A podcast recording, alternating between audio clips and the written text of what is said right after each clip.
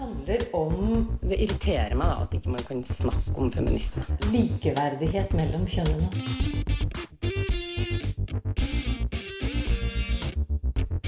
Det blikket på kvinnen på film. handlet det om å bli tatt på alvor som jente. Du hører på Et eget rom på Radio Nova. Det er blitt sagt at det foregår en allmenn fornektelse av at kvinner utøver vold. Enten det gjelder vold mot barn eller vold mot partnere. Hvordan er det å være utsatt for vold av en kvinne? Og hva er det som gjør at enkelte kvinner utøver vold? Menn har i hele perioden fra 1980 til 2015 dominert når det gjelder hvem som utøver vold, og hvem som siktes for vold. Men fra 1980 til 2005 økte andelen siktelser mot kvinner fra 3 til 12% Det utgjør en økning på nesten 1200% og selv om det også var en økning av voldssiktelser mot menn, så var det andelen siktelser mot kvinner som økte mest i disse årene. Fra 1999 til 2008 var det et økende antall kvinner og menn som ble straffet for vold. Blant annet så var det en synlig økning i straffer blant jenter i aldersgruppen 15 til 17 år. 99 til 2008 er en periode som generelt sett preges av en økning av ungdomskriminalitet, og det kan være med å forklare økningen av voldsstraffer i denne perioden. I 2006 ble det innført en lov om mishandling i familieforhold.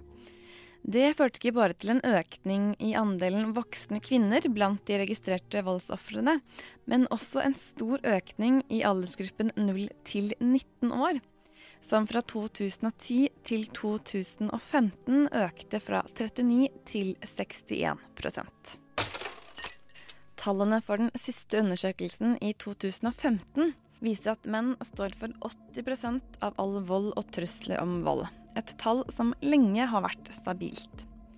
Samtidig viser fjorårets undersøkelse at en femtedel av all vold mot kvinner begås av andre kvinner. Det har i tidsrommet 2007 til 2015 vært en nedgang i antall voldsofre. Nedgangen den har vært størst for menn, og det gjør at menn og kvinner i dag har like stor sannsynlighet for å bli utsatt for vold. Når det gjelder trusler om vold, opplever flest kvinner og menn slike trusler i egen eller andres bolig. Flest menn opplever fysisk vold på offentlige steder, mens flest kvinner opplever fysisk vold på arbeidsplass eller lærested. Temaet for denne utgaven av Et eget rom, det er eh, kvinner som utøver vold. Og vi startet veldig rett på med litt sånn generelt eh, om eh, vold i Norge.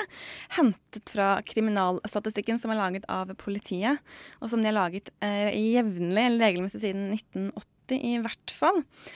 Eh, og de som skal eh, prate om kvinner og vold, det er Lina Therese Rosenberg og deg, Eline Hystad.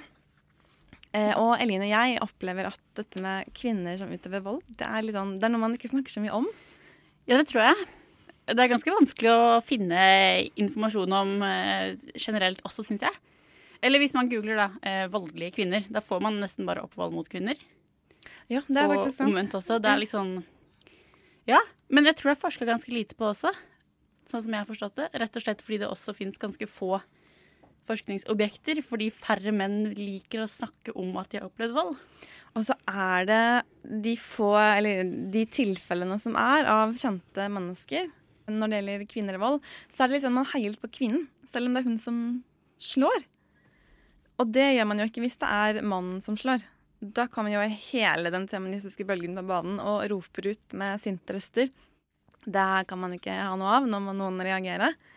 Og det er jo også litt interessant.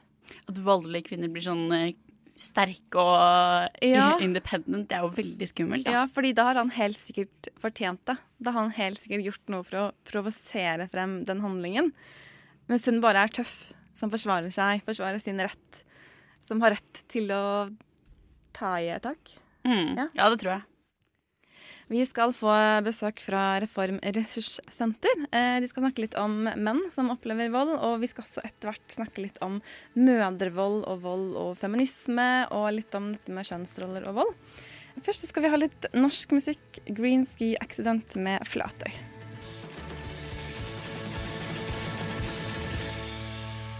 Flatøy hørte du den siste tonen av der, av Green Ski Accident. A person who believes in the social, political, and economic equality of the sexes. Eget rom. Et eget rom. Et eget rom. Et eget rom. Et eget rom.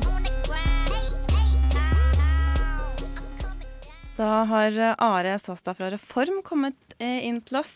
Og eh, dere i Reform dere jobber litt med å synliggjøre eh, vold som menn opplever fra sine partnere. Bl.a. fra sine kvinnelige partnere, eller sin hustru eller samboer. Kan du fortelle litt om hvordan dere jobber for å synliggjøre denne typen vold? Ja, det kan jeg gjøre. Vi, eh, vår oppgave, Reform ressurssenter for menn, som er vårt fulle navn, vi har en oppgave i det norske samfunnet, og det er å synliggjøre at også menn har likestillingsutfordringer. Eh, så for oss er det viktig å snakke om eh, at menn har eh, utfordring også når det gjelder vold. Vi snakker om veldig mye annet også, farskap og, og det kjønnsdelte arbeidsmarkedet og sånn, men for oss er vold selvfølgelig også et viktig tema. Og vi gjør det ved bl.a. å eh, lage informasjon til menn eh, om hva det er å være voldsutsatt. For faktum er at det er ganske mange menn som ikke helt forstår hva vold er når de blir utsatt for det.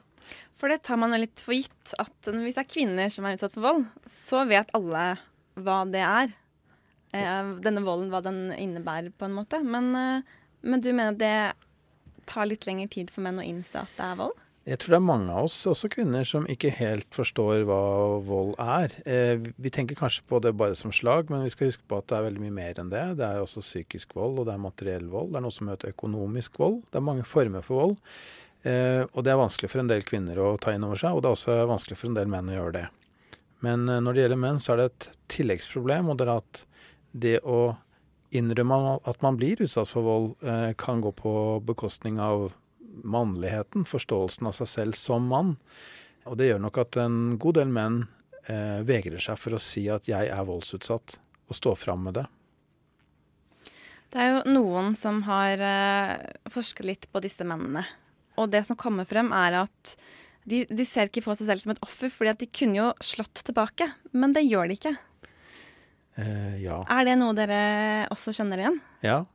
Vi har stadig henvendelser fra menn som er utsatt vold, eh, for vold fra kvinner. Og det noen av dem sier, er at jeg kan slå tilbake, men hvis jeg gjør det, så blir konsekvensene veldig alvorlige, så jeg gjør det ikke. De er altså ikke voldsutøvere. Og hvis de da skal uh, få hjelp, så må de faktisk uh, ut av en situasjon hvor de fort kan bli utsatt for ganske alvorlig vold. Du behøver ikke være veldig sterk for å utsette noen for alvorlig vold. Uh, det kan du gjøre ved, ved å bruke gjenstander, f.eks. Du kan dytte folk, du kan få dem til å falle. det er mange muligheter. I tillegg så er det ikke alltid sånn at menn er sterkere enn kvinner, faktisk. Men eh, de som kommer til dere, enten det er pga. psykisk vold eller fysisk vold eller økonomisk vold, eh, hvordan omtaler de sin kvinnelige partner? Ser de på henne som en voldsutøver? Ja, når de først eh, tar kontakt med oss, eh, så skal vi huske på at da har de kommet over en terskel. Da har de ønsket å si fra til noen. Eh, de gjør det gjerne anonymt i første omgang. Og vi sier at du bør gå videre med det. Du bør ta kontakt med et krisesenter. Det er veldig mange som ikke vet at krisesentrene nå også er til for menn. Så det er en stor informasjonsoppgave for oss å si det. Men uh, de fleste som da, da, tar kontakt, de vil nok eh, ha den oppfatningen av at nå vil de ut av forholdet sitt. De har kommet så langt at dette ikke holder lenger. Og svært ofte er det fordi de også har barn som står i en situasjon hvor de enten blir utsatt for vold, de også, eller at de ser at far blir utsatt for vold fra mor som også er en veldig skadelig situasjon for barna. Så de tar hensyn til barna og vil da ut pga. barnas situasjon. Det er ganske vanlig hos oss. Når, eh, for jeg ser for meg at Hvis en kvinne sier at hun opplever vold, enten den er fysisk eller psykisk, så blir hun veldig fort trodd på, og da skal alle ta vare på henne. Hvordan er det menn opplever hjelpeapparatet når de prøver å si fra? Eh, Det opplever de veldig ofte som fraværende. Um, Det er ikke så lett å si fra, heller ikke til politiet. Eh, Vi vet at det er mange som blir møtt med, med latter og med, med skuldertrekk, og 'dette her må du vel tåle'. Og det er ikke særlig enkelt å bli møtt med. Da er det mange som snur i den døra der. Og er du så voldsutsatt at du også er skadet, og f.eks. må på et overgrepsmottak, så kan det hende at du må, at du må på et sted hvor også kvinner eh, går. Og mange av oss syns det også er vanskelig. F.eks. å henvende seg til en gynekologisk avdeling eh, hvis det er sånn at de er utsatt for et seksuelt overgrep, som også skjer.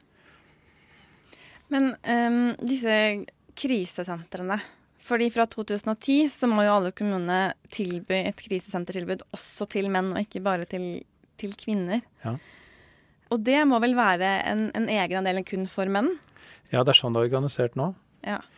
Alle kommuner har plikt på seg til å organisere krisesentertilbud både til kvinner og menn fra 2010, som du sa. Eh, og det er litt ulikt organisert. Noen steder fungerer det, andre steder fungerer det ikke, har en nylig undersøkelse vist. Så det står en del igjen der. Men det er sånn at hvis menn har et problem, et voldsproblem, så skal de også kunne oppsøke krisesenteret. Også sammen med sine egne barn. Selv om de ofte da ikke får være sammen med barna sine, for de må være på kvinneavdelingen. Det, det hadde jeg ikke tenkt skulle være et problem. Men eh, ja. Det hvor, sier, eh, hvor tidlig var det det krisesenter, eller når var det krisesenter for menn ble etablert som en egen avdeling? Eh, 2010 kom det som et lovpålegg. Eh, det fantes nok noe før dette også, men eh, det var en eh, ganske sterk motstand mot å innføre krisesentertilbud for eh, menn. Eh, også fra en del av krisesenterbevegelsen som mente at det ville skyve kvinnene ut fra krisesentrene. Det har ikke vist seg å være riktig, og det har også vist seg at det som først ble sett på som et lite problem, etter hvert har vist seg å ha stadig økende tall. Og mørketall er jo også selvfølgelig vanlig her. Ja, for dere, Du sa at dere opplever at mange ikke vet om de her krisesentertilbudene. Og det er liksom mitt inntrykk når jeg har eh, sett på internett om de her også, at det virker ikke Det er ikke sånn veldig etablert at her er det et mannstilbud og her er det et kvinnetilbud, men det er ganske sånn retta mot kvinner og en vanskelig jeg håper å si, jungel å, å finne fram i. Det er det. det er, krisesentrene for kvinner har eksistert siden 70-tallet, og k- kvinnebevegelsen har gjort en kjempejobb for å få dem på plass. Og det, det var en formidabel pionerinnsats for å få det til. Eh, nå må det nok en tilsvarende pionerinnsats for å få et tilbud som gjelder alle. Eh, og vi ser kanskje ikke at like mange går i spissen for det, men det forsøker vi å gjøre noe med, og lagde bl.a. en informasjonsfilm, en sånn reklamefilm på reklamefrie dager på TV Norge nå i pinsen, som vi håper altså påpeker for en del menn at her bør dere oppsøke kontakt med krisesenter når dere har behov for det. vi skal snakke litt eh, mer om dette med, med kvinner og vold, og du skal være med videre eh, hos oss, Are. Eh, vi skal også få besøk av ei som har forsket litt mer på dette med mødre som utøver vold. Vi håper at dere kanskje kan eh, utfylle hverandre litt. Eh, men eh, mens hun kommer inn, så skal vi høre 'Jelly' av Magic Potion.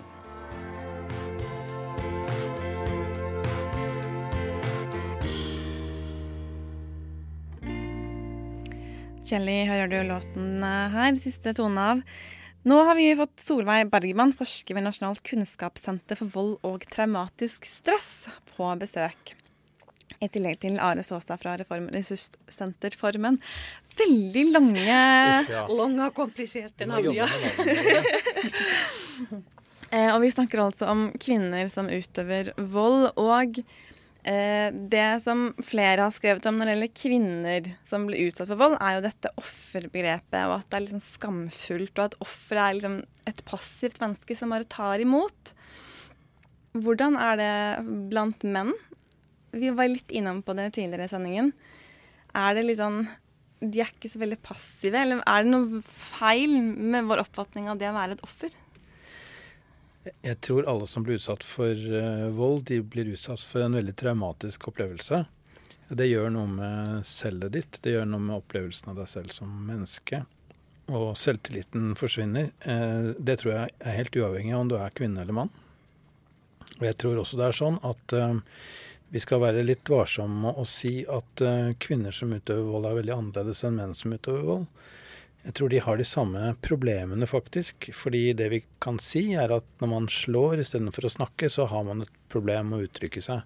Spesielt når det er i en nær relasjon, så betyr det jo at man har erstattet eh, det som burde være en, en normal en, si, en kommunikasjon mellom ektefeller eller partnere, med, med en helt, helt ekstrem form for kommunikasjon. Eh, og dette trenger man faktisk hjelp til å komme ut fra.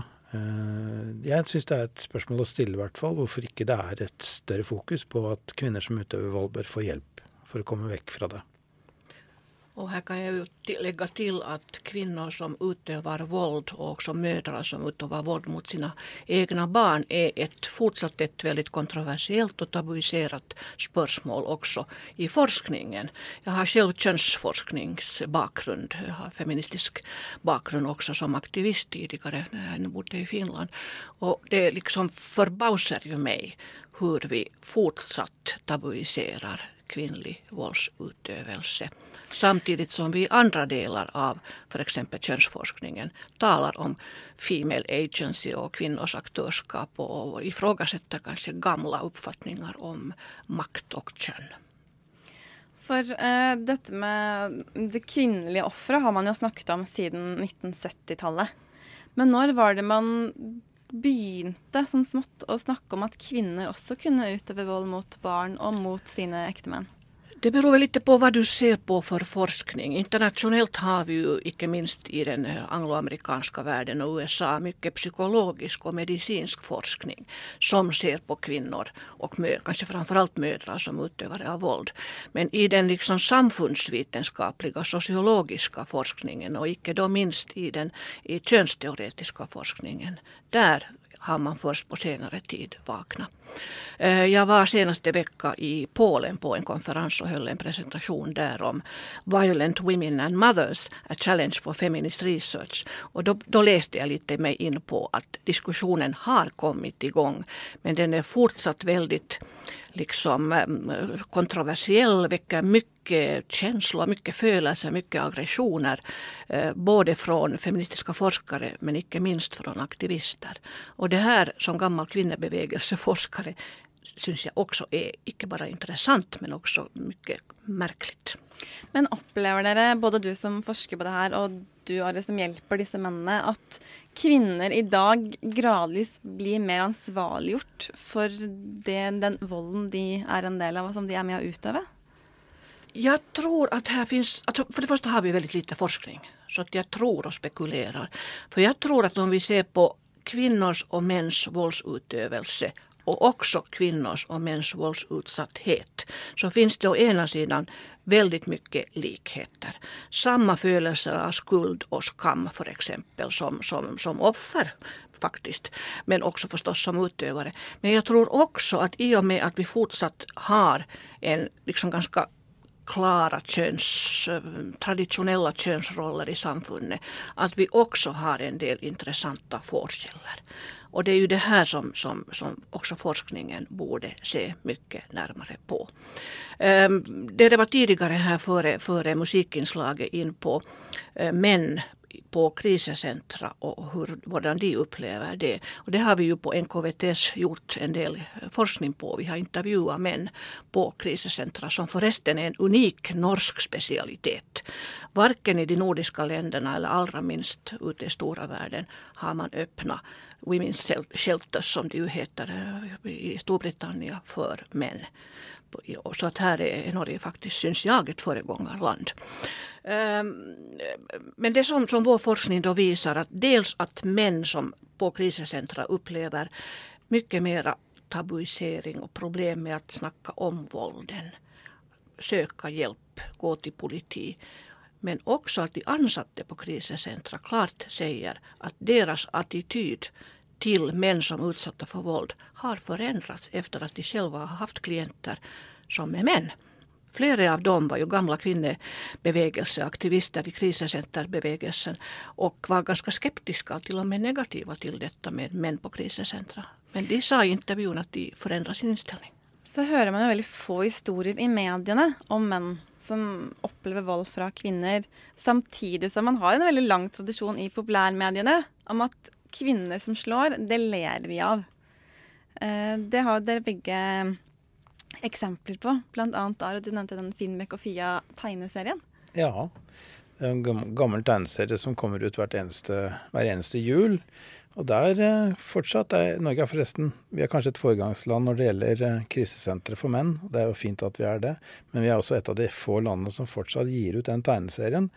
Og vi ler av at Finnbek utsetter Nei, Fia utsetter Finnbek for ganske alvorlig vold med kjevle og andre gjenstander hver eneste gang han kommer hjem fra byen.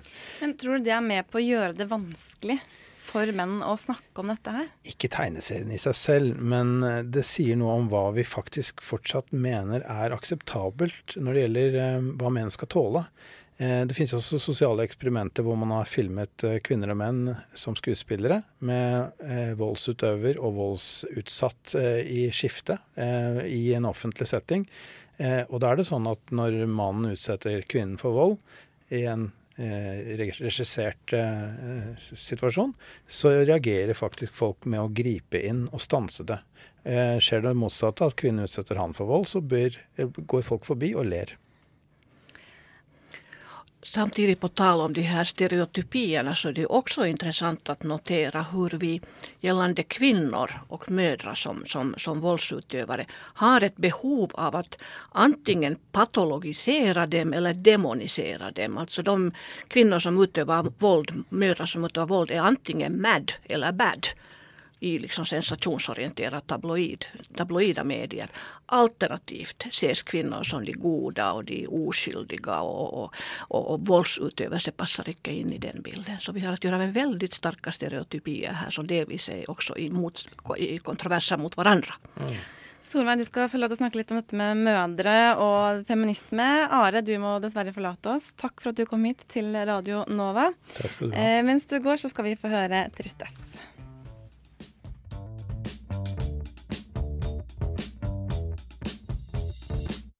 Tristesse her i et eget rom på Radio Nova, som fremdeles har besøk av Solberg eh, Bergman.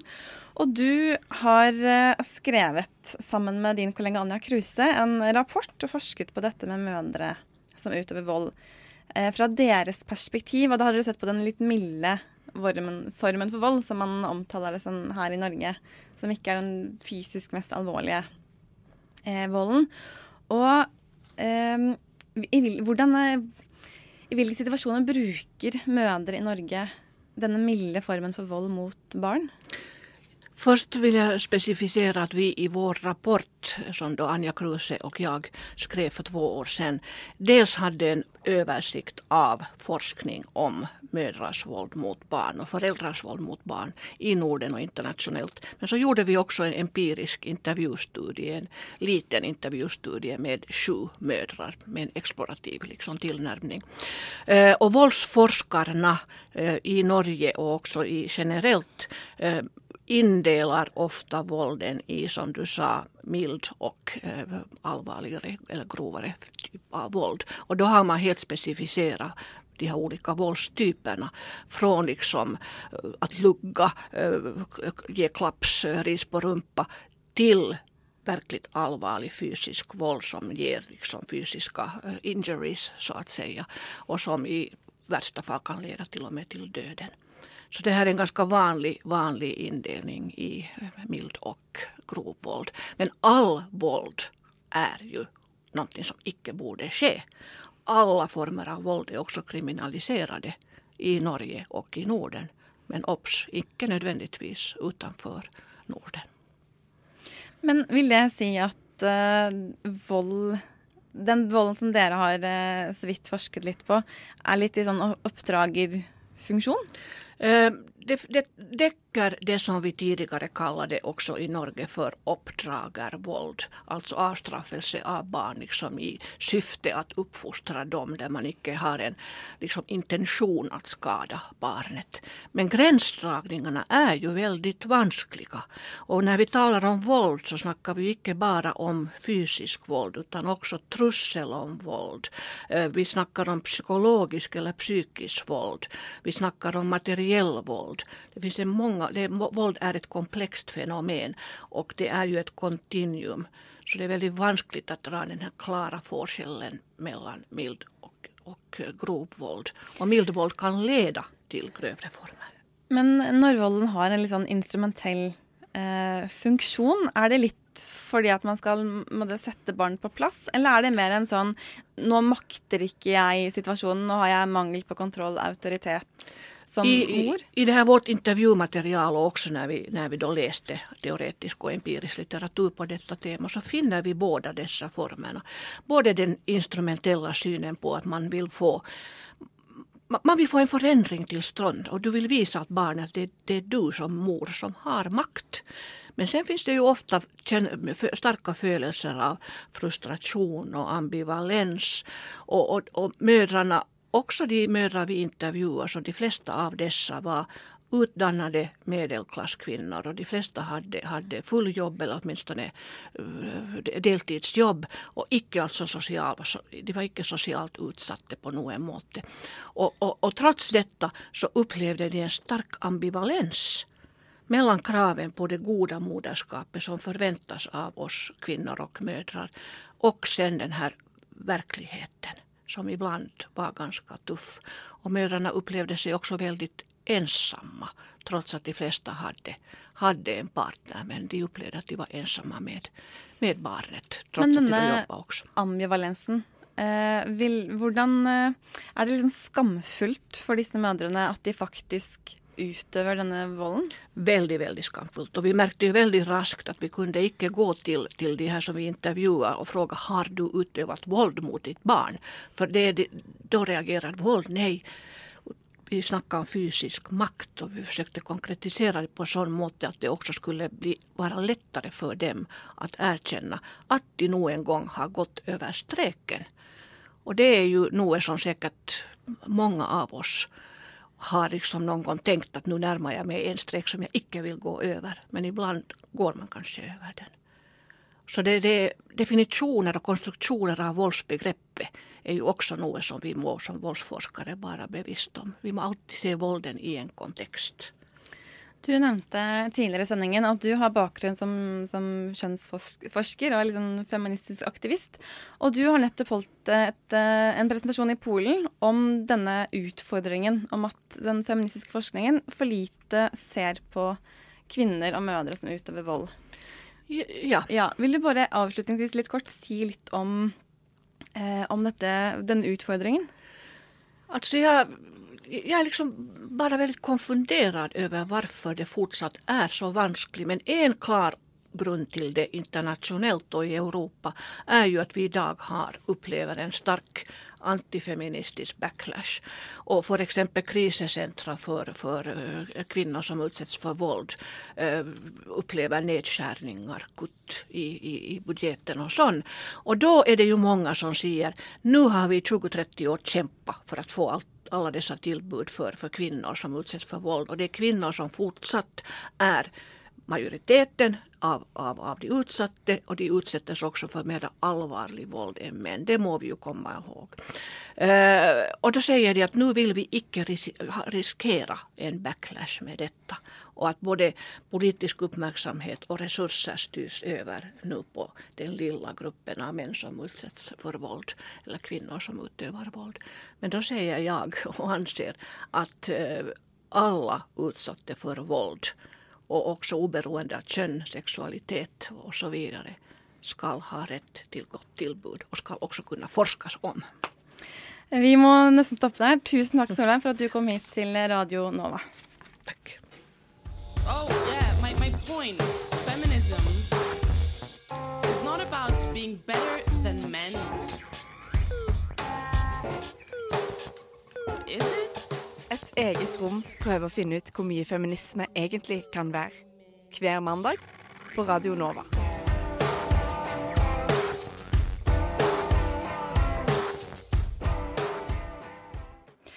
Du hører altså på Radio Nova, og temaet i et eget rom i dag, det er kvinner som utøver vold. Vi skal ganske snart snakke litt mer om kvinner og domsvold, eller dommer, og litt om dette med feminisme og vold.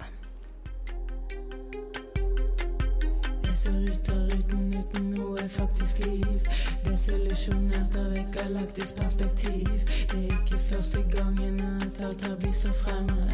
Hektisk leting etter ro, men kommer aldri frem.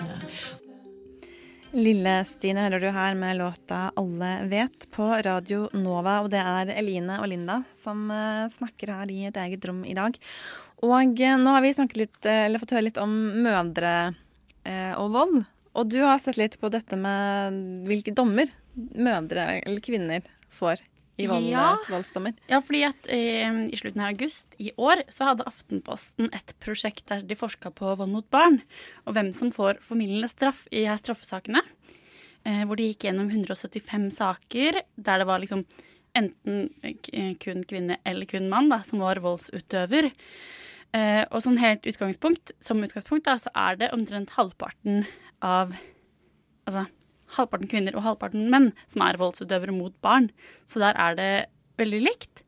Og det de gjorde i Aftenposten, var å analysere språket i de her dommene. Fordi at eh, omtrent halvparten av sakene der kvinner har utøvd vold, så knyttes det, eller så blir det sånn formildende straff. De får mindre straff eh, fordi de er, eh, er sånn, fordi de er kvinner og omsorgspersoner, da.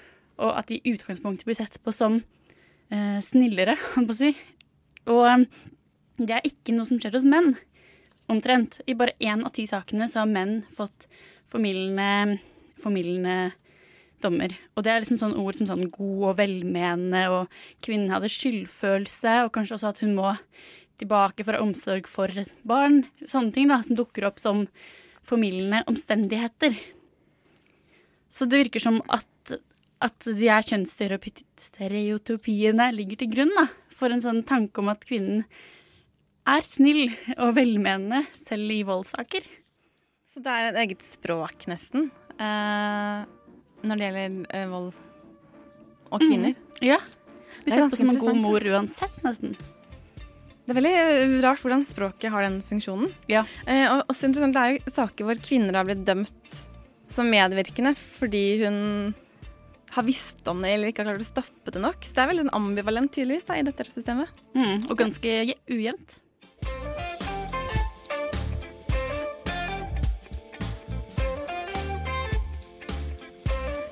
I Was Before med Fixation hører du her på Radio Nova. Du hører på et eget rom med Eline og Linda. Linda, som snakker om eh, kvinner som utøver vold. Og jeg har funnet en masteroppgave fra 2010, hvis jeg tar eh, ikke helt feil, eh, som har sett på unge kvinner som utøver vold. Hva er unge da? Hvor unge? Tenåringer, type. Okay, ja. Sånn til 20, starten av 20-årene. Fordi frem til og med 2008 så var det en veldig økende ungdomskriminalitet. Blant annet eh, økende voldsbruk blant unge kvinner, eller unge jenter og gutter. Eh, hun har skrevet denne her, og det er også Sissel Natteland ved Høgskolen i Oslo og Akershus. Hun har forsket mye på unge kvinner, eller tenåringsjenter og vold. Og det begge finner, er eh, jenter som utøver vold. De vil bort fra denne typiske jenterollen, som er liksom kjennetegnet med intriger, og det er rykter og ja, mye rykter og intrigemakeri. Så den klassiske greia om at det er kult å være guttejente? Det er ikke, men de er, det, er ikke det, det er ikke for å være kul, men de bare finner seg ikke til rette i denne klassiske jenterollen. Så derfor så tar de litt mer sånn guttas mønstre. Guttemåten å handle på. Eh, og ikke nødvendigvis vold for voldens skyld, men sånn Du har oppført deg stygt mot meg. Da truer jeg med vold, eller jeg slår deg. For det er guttemåten. Og når gutter gjør det, tenåringsgutter, så er det litt mer akseptert. Fordi det er sånn gutter er. De må tåle at gutter slår hverandre litt, og er litt truende mot hverandre. Men hvis jenter gjør det samme, så er det veldig sånn unormalt. Eh, og det er en atferd som man må liksom motvirke litt. Samtidig som det er jo ikke positivt å være veldig jentejente. Og er den som alltid skaper intriger og konflikter, som alltid baksnakker og snakker ut rykter. Det er jo veldig ikke positive trekk. Så disse jentene som utøver litt vold, de føler at de ikke får til den, den balansegangen mellom for mye jente og for lite jente. Og da bare gir de litt den blanke, og så tar de hele gutterollen. Kanskje litt føles- lettere å bare slå enn å være midt oppi intrig og baksnakking og hemmeligheter og Ja, og så er det jo interessant, da. At når gutter slår, så er det greit. Ja. Til en viss grad, i hvert fall. Men når jenter slår, så er det sånn Sånn gjør ikke jenter. Og så sier man at ja, men intriger, det liker man ikke. Det er mye ærligere at man bare slår med en gang, og så er man ferdig med konflikten. Det er ganske interessant hvordan de har det. Da er det motsatt når man er ung enn når man er eh, voksen i et parforhold. Ja, det er faktisk litt motsatt akkurat der. Ja. Favla hører vi her med låta 'Gong'.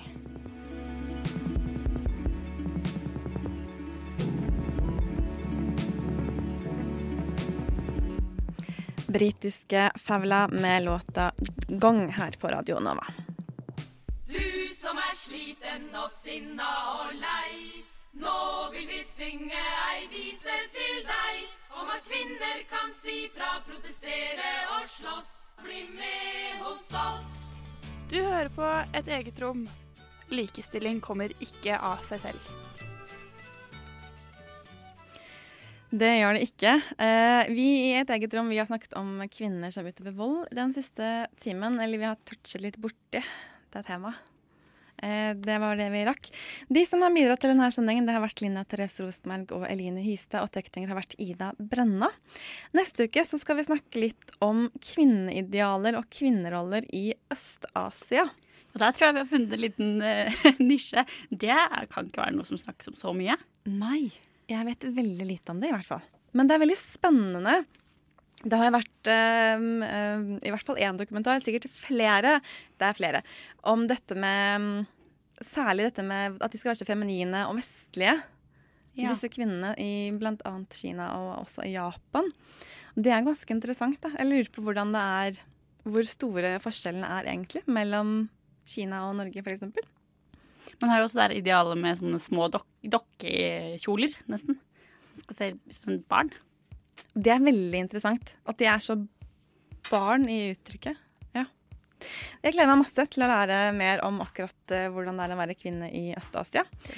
Ganske snart så skal du få et gjennomhør med A-lista. Det var en ny liste i, for en uke siden. Vi skal få høre litt mer om disse låtene som dere hører hele tiden her på Radio Nova. Fortsatt ny musikk. Fortsatt ny musikk. Never Enough hører vi låta her.